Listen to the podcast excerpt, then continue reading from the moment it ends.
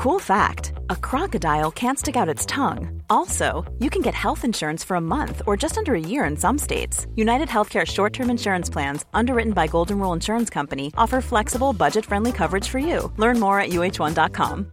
This is Paige, the co-host of Giggly Squad, and I want to tell you about a company that I've been loving, Olive and June. Olive and June gives you everything that you need for a salon quality manicure in one box. And if you break it down, it really comes out to $2 a manicure, which is absolutely insane. It's also so easy to get salon worthy nails at home with Olive and June. The difference between how your nails used to look when you did them yourself and now with the Manny system is a complete game changer. The best thing about Olive and June too is it's a quick dry. Dries in about 1 minute, lasts for 5 days and full coverage in up to 1 to 2 coats. Visit oliveandjune.com slash perfectmanny20 for 20% off your first system. That's oliveandjune.com slash perfectmanny20 for 20% off your first system. Ryan Reynolds here from Mint Mobile. With the price of just about everything going up during inflation, we thought we'd bring our prices down. So to help us, we brought in a reverse auctioneer, which is apparently a thing. Mint Mobile unlimited premium wireless. Ready to get 30, 30, bit to get 30, bit to get 20, 20, 20, bit to get 20, 20, bit to get 15, 15, 15, 15 just 15 bucks a month. So, Give it a try at mintmobile.com slash switch. $45 upfront for three months plus taxes and fees. Promo rate for new customers for limited time. Unlimited more than 40 gigabytes per month. Slows. Full terms at mintmobile.com. Palmemordet, Polisspåret, del 5, Polisman B. Sveriges statsminister Olof Palme är död. 90 000. Ja, det är mord på Sveavägen. Hörde de säger att det är Palme som är skjuten. Mordvapnet med säkerhet är en Smith Wesson, en revolver kaliber .357. Inte ett svar. Finns inte ett svar. Polisen söker en man i 35 till 40-årsåldern med mörkt hår och lång mörk rock. Det här avsnittet görs i samarbete med Maxulin. Maxulin, det är på väg att eh, kampanjen är snart över. Vi ska ha den här Palmevandringen i december och det börjar bli dags att vara med i tävlingen. Om ni går till www.maxolin.se palme och beställer Maxolin så är ni alltså med i en tävling där ni kan vinna en Palmevandring i Stockholm med mig i december.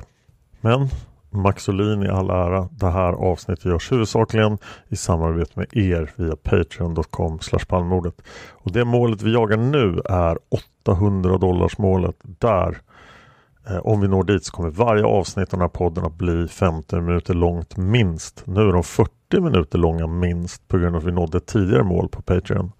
Men ni gillar ju långa avsnitt, det är i alla fall intrycket jag har fått. Så om ni vill så kan du vara med och bidra till det. Det går att donera pengar till Palmemordet via Swish också om ni tycker att Patreon är jättekonstigt eller svårt. I så fall kontakta mig på Palmemordets Facebook-sida så berättar jag numret. Det har tillkommit lite ny information under de här avsnitten som Tobias har gjort. Och eh, Det är först och främst fyra bekräftade namn på poliser i baseballligan. Det är Björn G som jag har från två håll, varav ett håll är det här pålitliga hållet, nämligen rättegången i Göteborgs tingsrätt mot en tidning i det här eh, tryckfrihetsmålet. Då. Och det ska jag berätta mer om senare. Lars G, Liselott J och Sten-Åke W. Och Sten-Åke W var befäl över baseballligan, alltså chefen över eh, gatuvåldsgruppen i den turen som baseballligan var. Och de här poliserna kommer vi kanske prata mer om när vi kommer till då rättegången. Jag har ytterligare en ny information. Det är från Gösta Söderströms son Henry som har hjälpt mig med en hel del information. Han driver sidan PolitiskaMord.com så den kan ni gå in och titta på. Eh, han rättade mig angående vad jag sa om Gösta Söderström senare eh, förut. Jag ska säga mycket mer saker om Gösta Söderström som då förhoppningsvis är korrekta.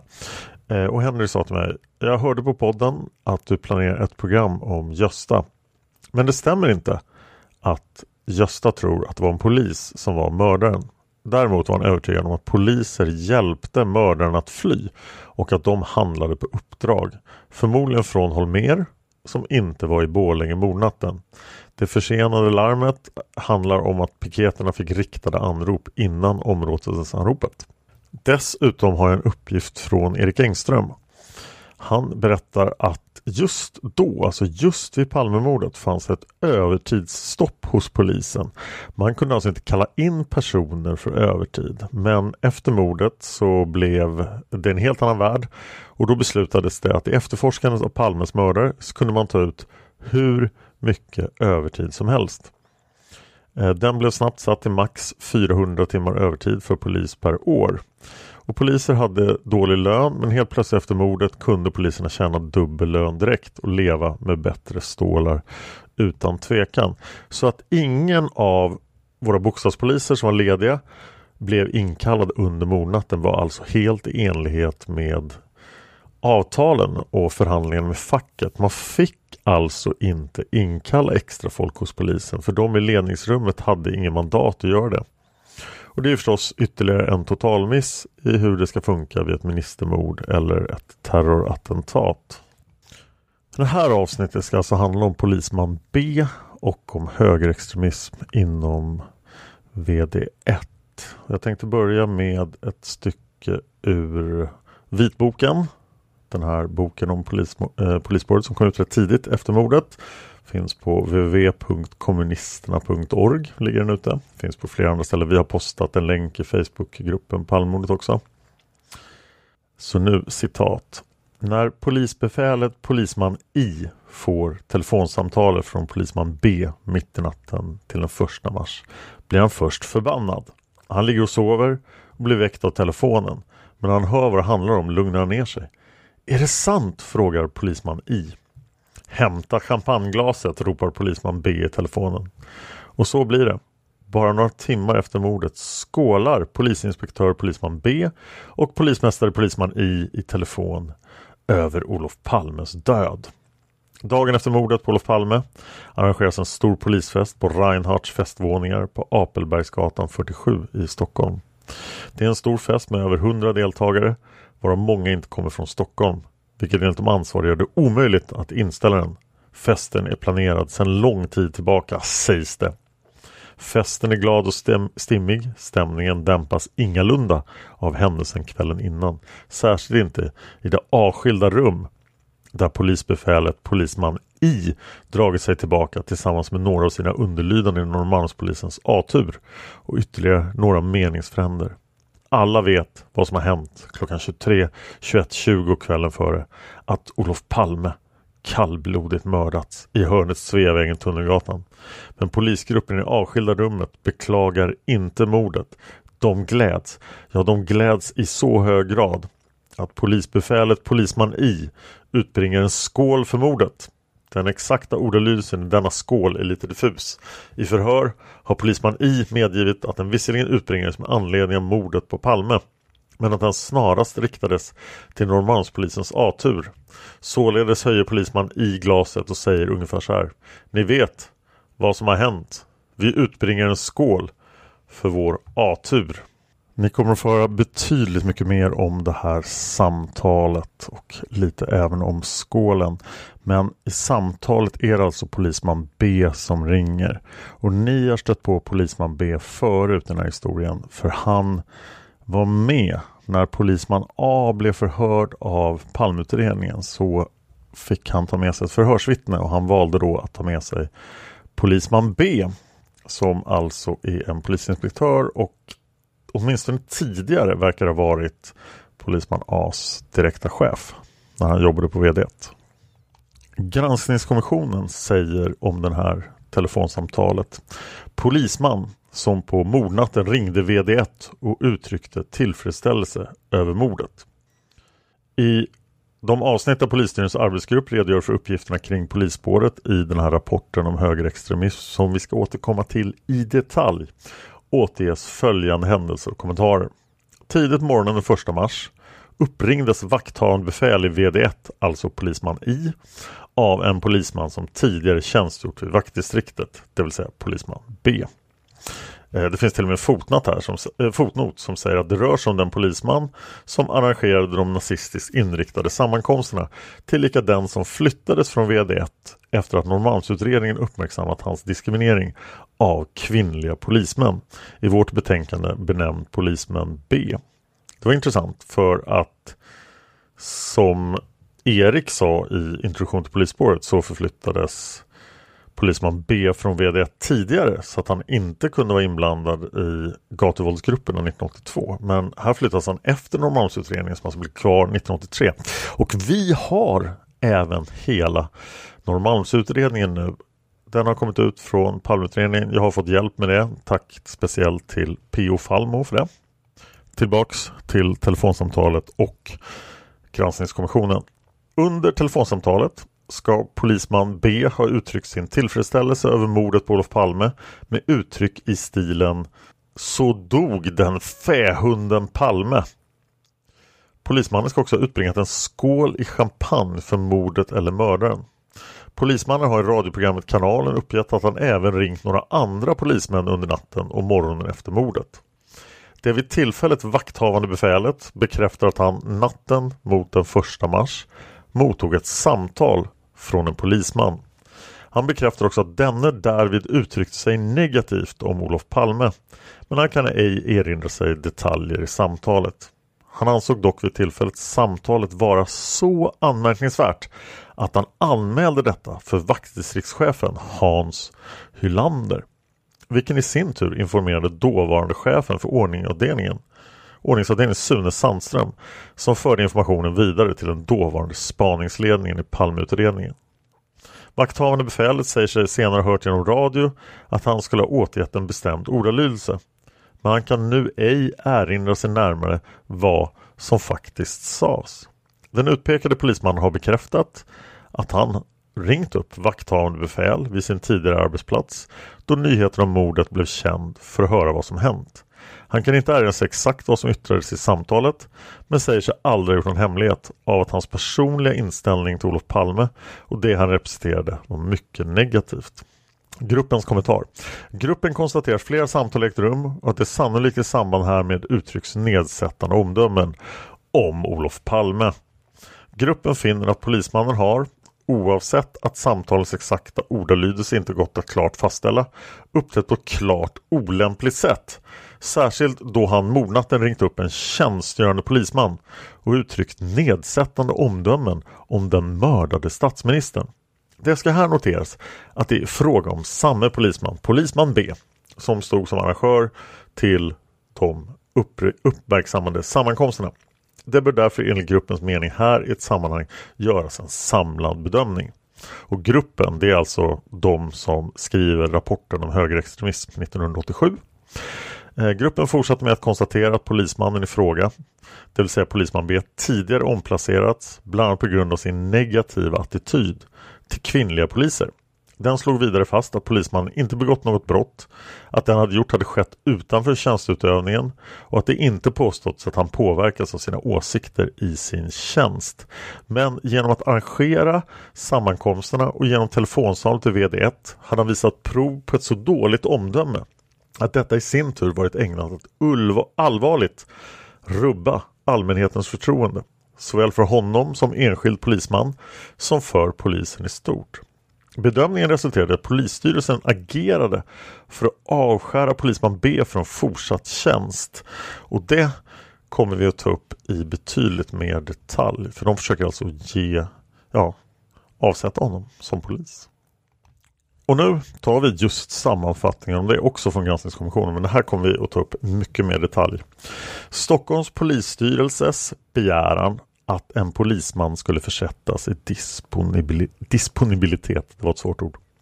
Mot en bakgrund som beskrivits under de två föregående rubrikerna ville polisstyrelsen få polismans Bs agerande prövat disciplinärt.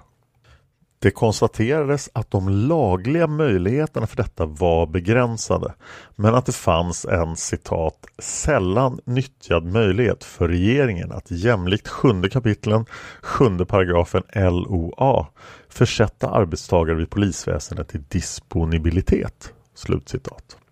Därför beslöt polisstyrelsen att begära att Rikspolisstyrelsen underställde regeringen denna fråga. Försättande i disponibilitet innebär att personen i fråga avstängs från sitt arbete men får behålla sin lön. Beslutet fattades den 25 januari 1988. I juni 1988 anmälde en privatperson, May N, Polisstyrelsens utredning och handläggning därav till granskning hos JO. May N är en privatspanare som var väldigt aktiv på den tiden. Drygt ett år efter polisstyrelsens begäran, den 14 februari 1989, fattade Rikspolisstyrelsen beslut i ärendet. Rikspolisstyrelsen konstaterade att försättande i disponibilitet enligt det åberopade lagrummet kunde komma i fråga då det är nödvändigt för rikets bästa. Det krävdes därvid enligt Rikspolisstyrelsen att det föreligger ett starkt nationellt säkerhetsintresse för att med stöd av denna bestämmelse mot någons vilja koppla bort denne från arbetet. I sak gjorde Rikspolisstyrelsen till synes en annan bedömning än polisstyrelsen av de aktuella sammankomsterna. Så här tyckte Rikspolisstyrelsen om nazistmötena.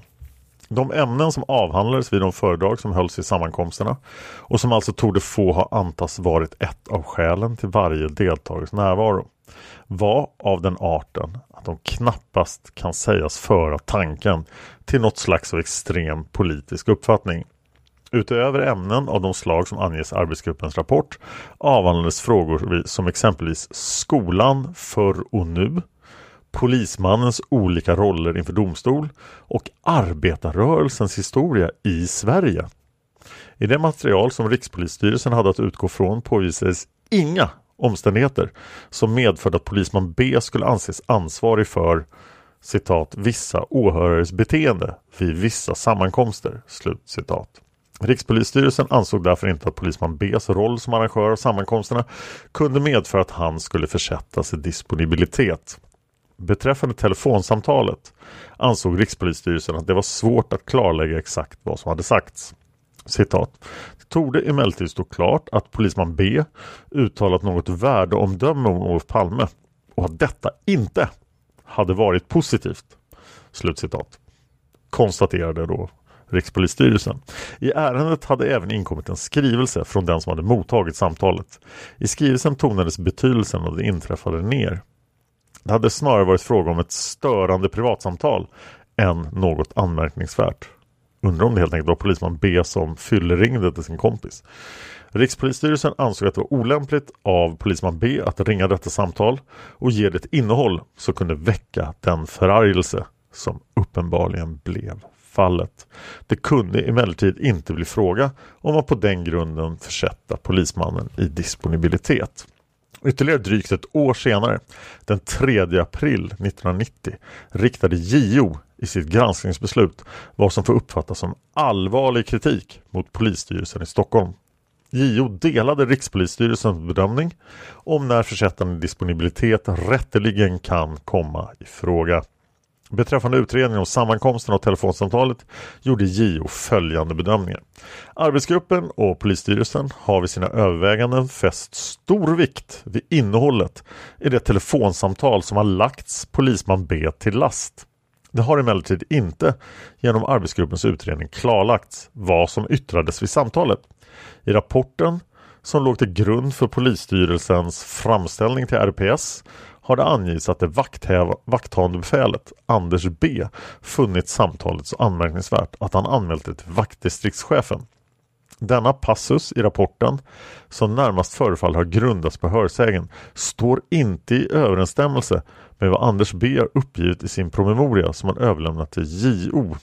Här finns en fotnot. Skrivelsen hade tidigare återgivits av JO. Den hade följande lydelse, citerat från JOs beslut. Undertecknad tjänstgjorde som vakthavande befäl VD1 natten då Olof Palme mördades. Ett till mig inkommande telefonsamtal från kollegan har sedan tillmätts oanade proportioner i senare utredningar rörande disponibilitet. Jag bedömde inte samtalet då och inte heller nu som särskilt anmärkningsvärt utan snarare som ett störande privatsamtal från en troligen salongsberusad kollega. Hade jag funnit samtalet anmärkningsvärt och intressant för skenet hade jag omedelbart kontaktat närmaste chef. Nu ingick, upp, nu ingick uppgiften endast som en av många vid en regelbundet återkommande morgonbön två dygn efter händelsen.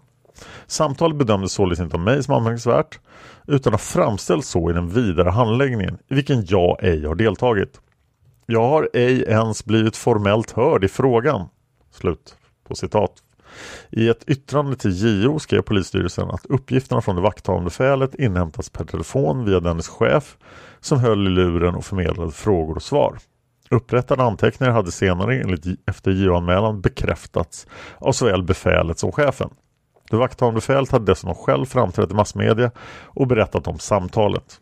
Polisstyrelsen framhöll vidare att det var ostridigt att vakthavande befäl rapporterat samtalet till avdelningschefen och att uppgifterna sedan vidarebefordrades till mordutredningen. JOs bedömning då av polisstyrelsen i Stockholms agerande fortsätter.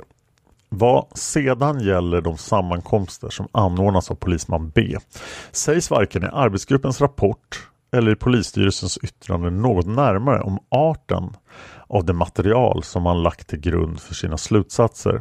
Det finns emellertid anledning att tro att rapportens uttalanden om vad som förekommit i sammankomsterna åtminstone delvis grundas på anonyma uppgifter och andra upplysningar av tvivelaktig kvalitet. Sammanfattningsvis kan konstateras att handläggningen av ärendet avseende polisman B inte uppfyllt de befogade krav som kunnat ställas på den från rättssäkerhetssynpunkt och från effektivitetssynpunkt. Arbetsgruppens och polisstyrelsens handlande framstår som särskilt anmärkningsvärt med hänsyn till att detta avsett områden som omgärdas med ett särskilt skydd genom regeringsformens regler om yttrandefrihet och mötesfrihet. Granskningskommissionen fortsätter. Efter JOs beslut framställde polisman B sedermera skadeståndsanspråk mot svenska staten 1994 beslöt JK att skadestånd skulle utgå. si se JK-beslut 1994 sid 161. Polisstyrelsens agerande innebar enligt eh, JK förtal av polismannen. De uppgifter som lämnats om honom hade varit ägnade att utsätta honom för andras missaktning. Det hade heller inte varit i lagens förtalsbestämmelses mening försvarligt att uttala sig på det sätt som polisstyrelsen gjort. JK beslöt därför att staten skulle ersätta polisman B med 20 000 kronor som ideellt skadestånd.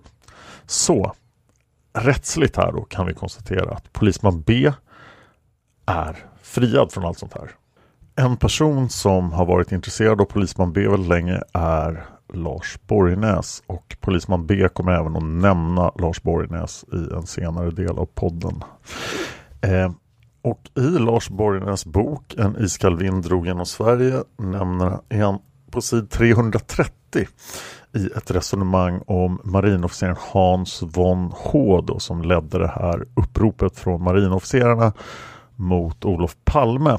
Och det tyckte ju Borgnäs var väldigt intressant så han hade grävt i det. Så citat Lars Borgnäs.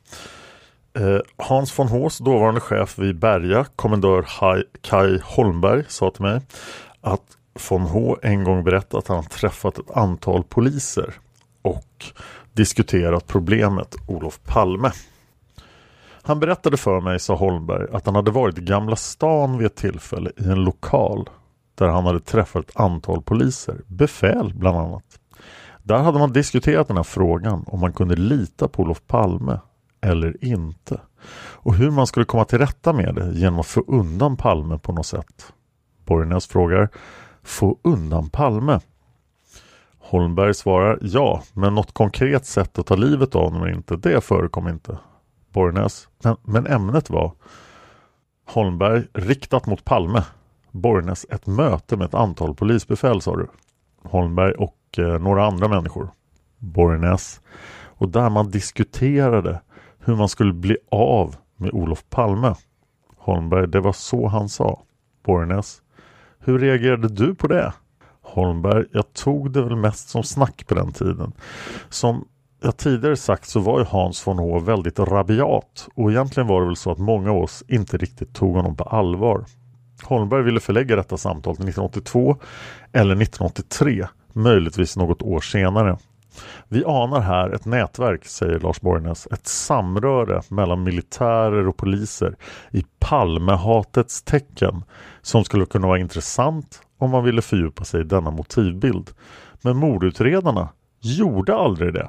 De kontaktade exempelvis inte alls Kai Holmberg trots att han vid tiden för mordet var chef för marinofficerarna på Berga. Just de som hade agerat It's that time of the year. Your vacation is coming up. You can already hear the beach waves, feel the warm breeze, relax and think about work. You really, really want it all to work out while you're away. Monday.com gives you and the team that peace of mind. When all work is on one platform and everyone's in sync, things just flow wherever you are. Tap the banner to go to Monday.com. Ryan Reynolds here from Mint Mobile. With the price of just about everything going up during inflation, we thought we'd bring our prices down. So to help us, we brought in a reverse auctioneer, which is apparently a thing. Mint Mobile unlimited premium wireless. Ready to get 30, 30, bit to get 30, bit to get 20, 20, 20, bit to get 20, 20, bit to get 15, 15, 15, 15 just 15 bucks a month. So, Give it a try at mintmobile.com slash switch. $45 upfront for three months plus taxes and fees. Promo rate for new customers for limited time. Unlimited more than 40 gigabytes per month. Slows. Full terms at mintmobile.com. How would you like to look five years younger? In a clinical study, people that had volume added with Juvederm Voluma XC in the cheeks perceived themselves as looking five years younger at six months after treatment. Look younger, feel like you. Add volume for lift and contour in the cheeks with Juvederm Voluma XC. Reverse signs of aging by adding volume to smooth laugh lines with Juvederm Volure XC. For important safety information and to find a licensed specialist, visit juvederm.com. That's J U V E D E R M.com. Not for people with severe allergic reactions, allergies to lidocaine, or the proteins used in Juvederm. Common side effects include injection site redness, swelling, pain, tenderness, firmness, lumps, bumps, bruising, discoloration, or itching. There's a risk of unintentional injection into a blood vessel, which can cause vision abnormalities, blindness, stroke, temporary scabs, or scarring. Talk to a licensed specialist to find out if it's right for you. i det så kallade marinofficersupproret. Holmberg hade ju också själv deltagit i det. Har Palmutredarna någonsin kontaktat dig? frågade jag Holmberg. Nej. Aldrig? Nej. Borgnäs, om man ville utreda om marinofficersrevolten eller ubåtsfrågan hade något med mordet att göra hade det inte varit naturligt att tala med just dig? Holmberg, det kan man kanske tycka att det hade varit ja. Jag satt dels som chef på Berga och dels var jag chef för ubåtsanalysgruppen som reste land och rike runt. Den utredning som Försvarsmakten själv eventuellt gjorde och som i så fall är hemligstämplad har uppenbarligen sina brister. Polismötena i Gamla stan som kommendörkapten von H enligt Holmbergs utsago vid ett tillfälle bevistade var kända för Palmeutredningen. Av någon anledning hade de emellertid aldrig skärskådats i arbetet med att söka efter mordgåtans lösning. De utgör ett åskådligt bevis på att högerextremism eller ren nazism var en del av verkligheten inom delar av Stockholmspolisen i början på 1980-talet. Där också hatet mot Olof Palme frodades. Det som dessutom gör dessa möten intressanta är att de visar på ett militärt sammanhang och en tänkbar anknytning till ett landsförrädarspår. Det finns därför anledning att beskriva de här mötena lite närmare. Lars Borgnäs fortsätter. Mötena ägde rum under åren 1982 till 1984 i en festlokal på Västerlånggatan i Gamla stan i Stockholm. De arrangerades som polisinspektör vid Norrmalmspolisen som vi kallar Polisman B. Uppgifterna om mötena kom till mig och mina medarbetare bit för bit under vår research. Ingen från myndigheterna ville till en början släppa informationen, vare sig från Säpo eller den öppna polisen. Ändå hade mötena varit väl kända inom Säkerhetspolisen även när de pågick. Tidigt i mitt arbete, säger Lars Borgnäs, med att granska Palmeutredningen under 1987 kontaktades jag av en av Olof Palmes nära medarbetare som på telefon uppmanade mig att citat titta närmare på de där mötena som poliser hade i Gamla stan. Slutcitat. Det visade sig senare att Olof Palme själv 1984 hade fått en föredragning om dem av dåvarande Säpochefen Sven-Åke Hjälmroth.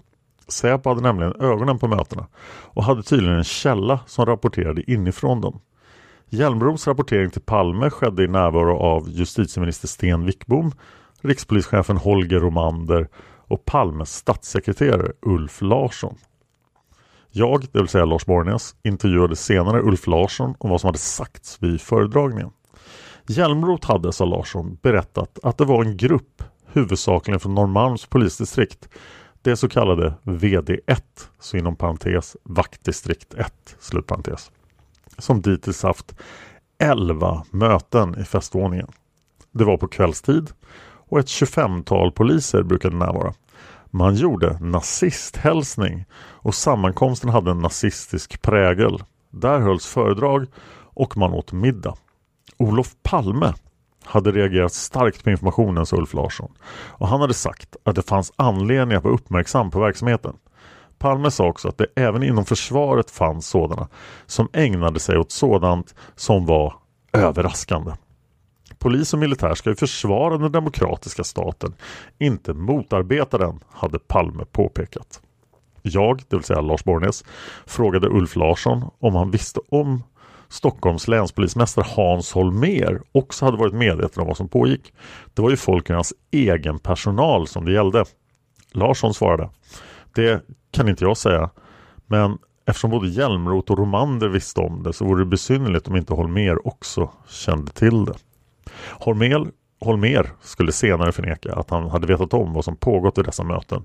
Till yttermera visso handplockade han direkt efter mordet livvakter åt sig själv från just den krets av polismän som deltog vid mötena.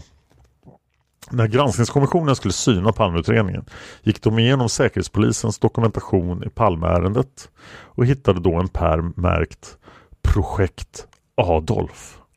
Den handlade till stor del om just dessa möten i Gamla stan.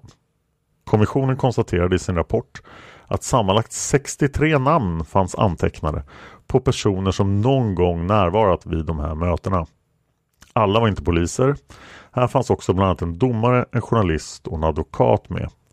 Kommissionen nämner ingenting om huruvida kommendörkapten Hans von Hs namn fanns med. I Säpos rapport om mötena fanns också ett PM från mars 1983 med rubriken angående högerextremistisk sammanslutning med anknytning till poliskåren i Stockholm. Och där fanns bland annat uppgifter om polisman B. Kommissionen skriver Denne uppgavs vara nazist och klart uttalad motståndare till det rådande demokratiska statsskicket. Han sades ha stort inflytande inom polisen. Sammankomsterna beskrevs. Deltagarna uppges vara handplockade, 16 personer namngavs som deltagare. Det framgick att viss spaning mot mötena från Säpos sida skulle inledas eller hade inletts. Ett annat PM var från februari 1984, det vill säga ett år senare.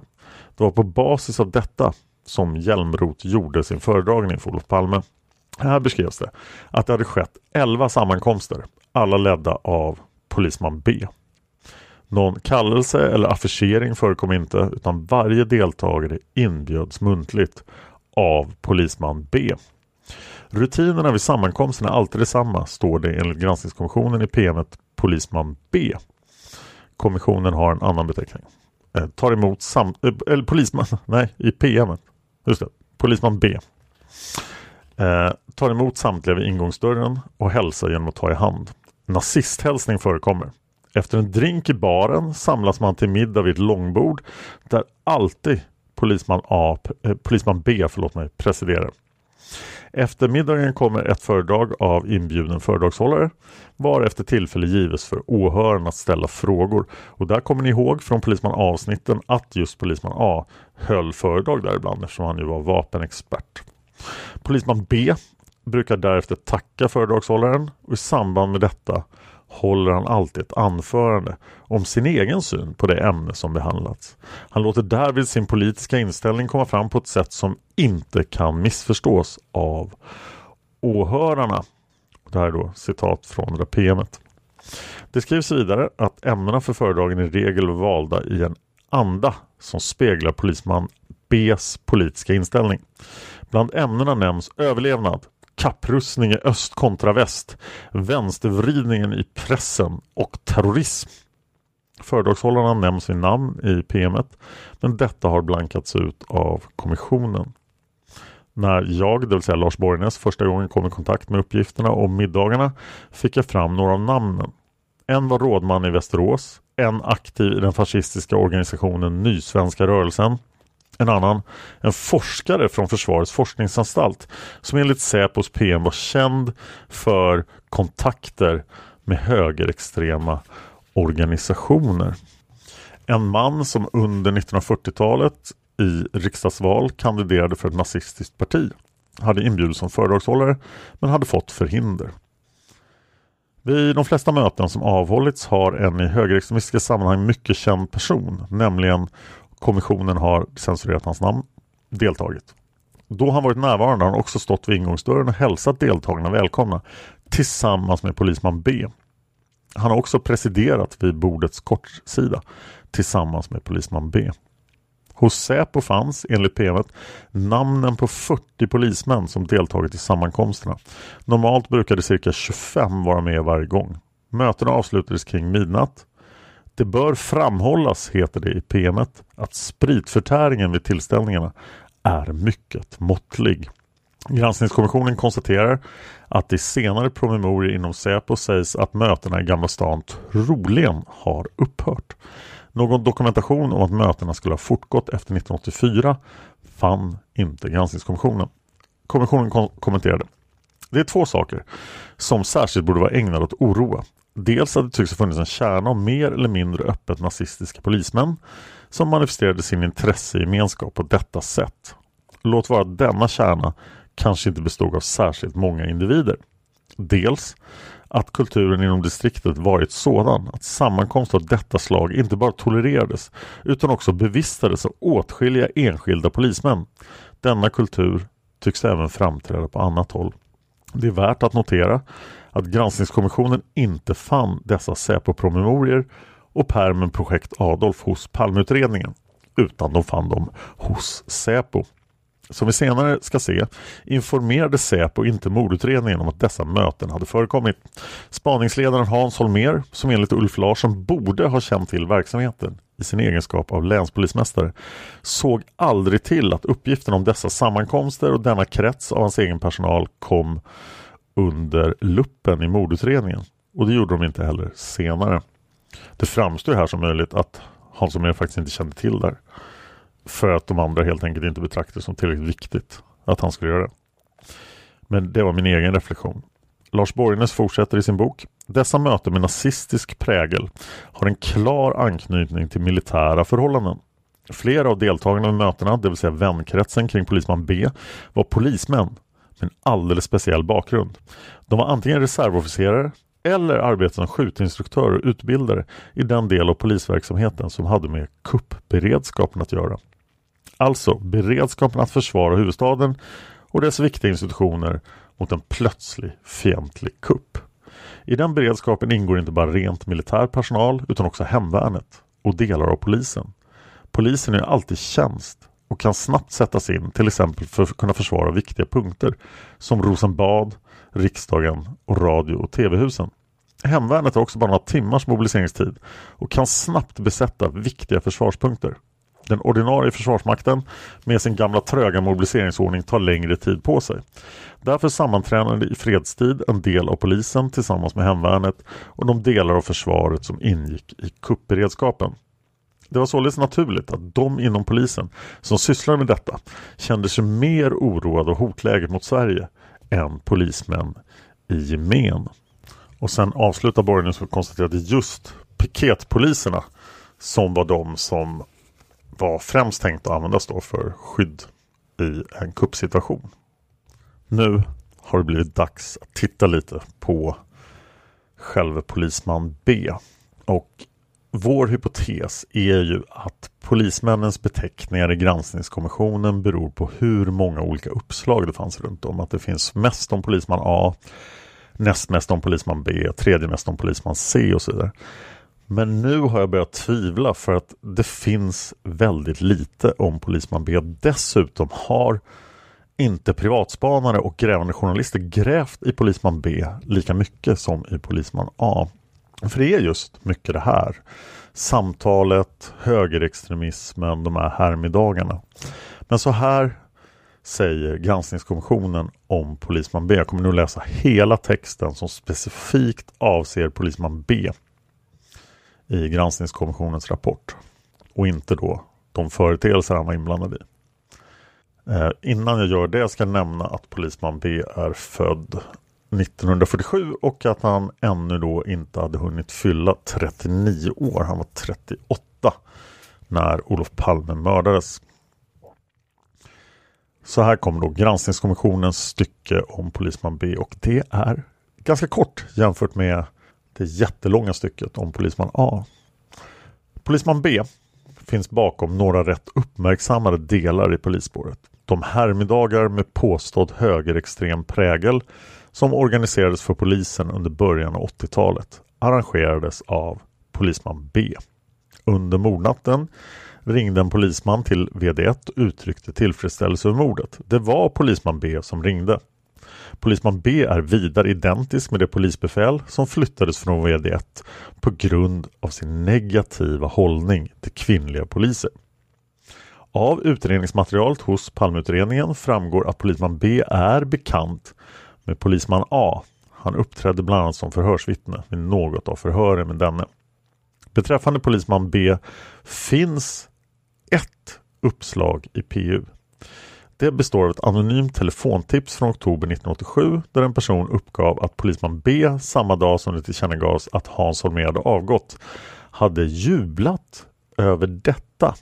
Polisman B hade vid tillfället bevistat en ambassad, troligen den australiensiska, där det skulle ha pågått en fest till firandet av Hans Holmers avgång. Så på alltså australiensiska ambassaden så är det en fest där de firar att Hans Holmér har slutat som spaningsledare. I december 1987 beslöt Per-Göran Ness att tipset inte föranledde något åtgärd, någon åtgärd och Per-Göran Ness är ju operativ chef på Säpo. Han tycker då uppgifterna på intet sätt kan ha betydelse för Palmeutredningen. Polisman B förekommer också tillsammans med polisman A i ett tips. Och det här har jag berättat om i avsnittet av, om polisman A men jag tänker repetera det här kort. Och det här är tipset då. Överåklagare Ola Nilsson som var förundersökningsledare i smuggelmålet mot bland annat polisman A, det vill säga en del av Ebbe Carlsson-affären, vidarebefordrade i juli 1988 en uppgift från en person som cirka ett halvår efter Palmemordet hade hört ett samtal mellan polisman A och polisman B. De hade sagt att de visste vem som hade utfört mordet men att man aldrig skulle kunna finna mördaren. Uppgiftslämnaren hördes av PU. Han uppgav då att han inte uppfattat det som att polisman A och polisman B hade vetat vem mördaren var. Utan snarare att de genom sina känningar i utredningen kollegor som fungerade som livvakter åt Hans Holmér hade fått insikter om vem som var mest intressant i utredningen. Förhörsprotokollet ger intryck av att uppgiftslämnaren något ville modifiera de uppgifter han enligt Ola Nilsson skulle ha lämnat till denne. Och tillbaka till granskningskommissionens väldigt korta text om vad som specifikt eh, är polisman B i, i polisspåret så fortsätter de. Förutom dessa uppslag som alltså inte föranlett några vittgående åtgärder har ingen utredning med sikte på polisman B förekommit i PU. Däremot har polisman B som framgått ovan varit föremål för ingående granskning i Stockholms polisstyrelses rapport om högerextremism. Han förekommer också i Norrmalmsutredningen som synes ha lett till att han omplacerades. Vid granskningskommissionens arbete har följande framkommit. Vid förfrågan hos Säkerhetspolisen angående polisman B upplystes det att han inte förekommer annat än som säkerhetsgranskad. Alla polismän blir säkerhetsgranskade av Säkerhetspolisen. Polisman B är emellertid som framgått en centralgestalt i det avsnitt som kallas Projekt Adolf i Säkerhetspolisens ärende SK 882. Förutom som framgår i redogörelsen för härmedagarna ovan finns i en annan del av samma ärende två promemorier intagna under polisman Bs namn. Den ena är de ovan nämnda promemorian från 1983 där härmedagarna omtalas för första gången. Det andra är en promemoria från 1980 därifrån fullt tillförlitlig källa det är ett citat från PM, alltså står fullt tillförlitlig källa, uppges att en svensk polisman, polisman B, har deltagit i ett möte med en nazistisk organisation, Sveriges nationella förbund, i vilken han synes ha varit välkänd. Polisman B fortsatte sin poliskarriär. Han gick troligtvis i pension 2012 när han var 65 år gammal. Han är så vitt jag vet vid liv och fullt vigör. Han är väldigt välkommen att vara med här i podden om han skulle känna för det. Han gjorde ett antal uppmärksammade ingripanden i eh, in, inom sin verksamhet i Farstapolisen runt 2007 till 2009.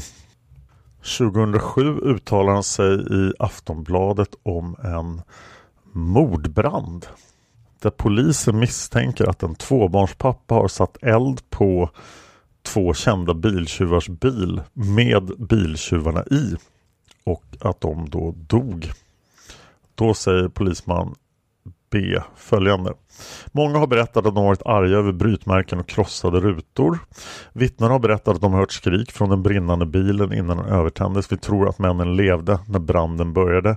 Men helt säkra är vi inte. Men en fördjupad rättsmedicinsk undersökning ger oss förhoppningsvis svar på det, säger polisman B. 2008 blir minst fem katter torterade och misshandlade till döds i Årsta. Och det fallet Eh, där uttalar sig då förundersökningsledaren som är polisman B vid Söderortspolisen. Det här är från en artikel i Metro. Eh, en katt påträffades på ett tak, en hittades i ett soprum. Två katter har påträffats med avskuren svans. 32-åriga Linda i Årsta hittade sin katt Frodo död på ett hustak i närheten av där hon bor. Eh, polisman B, förundersökningsledare, säger det finns katthatare som njuter av sånt här. Det är en katastrof för de drabbade. Jag vet faktiskt inte alls hur det gick för, för den här mordbranden och för den här katttorteraren. Eh, till sist uttalar sig polisman B om mordbranden riktad mot lokalen Cyklopen i södra Stockholm 2009. Så det verkar ju som att polisman B har gjort ett eh, vanligt polisarbete. Han verkar inte ha fått några extrema belöningar för sin inblandning i något mord på någon statsminister. Och eh, han verkar överlag ganska bortkopplad från eh, de här lite mer aktiva poliserna som polisman A, polisman D och polisman E.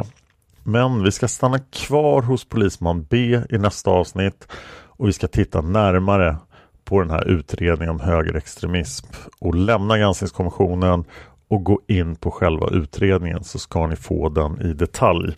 Och eftersom jag även kommer att gå in i detalj på Norrmalmsutredningen som jag också har kommit över från 1983 om eh, våldsamheten hos polisen på Norrmalm så kan några av de kommande avsnitten bli ganska långa. Eh, så att jag, men jag tror som sagt att ni bara blir glada då. Så säg till vad ni tycker. Ni kan kommentera på Youtube, ni kan kommentera på Facebook på Polisspåret. Vi eh, samarbetar fortfarande med Nextory. På Nextory som är en prenumerationstjänst för ljudböcker och e-böcker finns bland annat Gunnar Walls böcker, många av dem. Till exempel Mordgåtan Olof Palme som jag rekommenderar varmt om ni inte hört den. Ni får om ni skriver koden PALME på nextory.se kampanjkod 30 dagars gratis tillgång till Nextory om ni inte har utnyttjat det här erbjudandet tidigare. Men ni kan komma undan det om ni anger en annan e-mailadress, tror jag.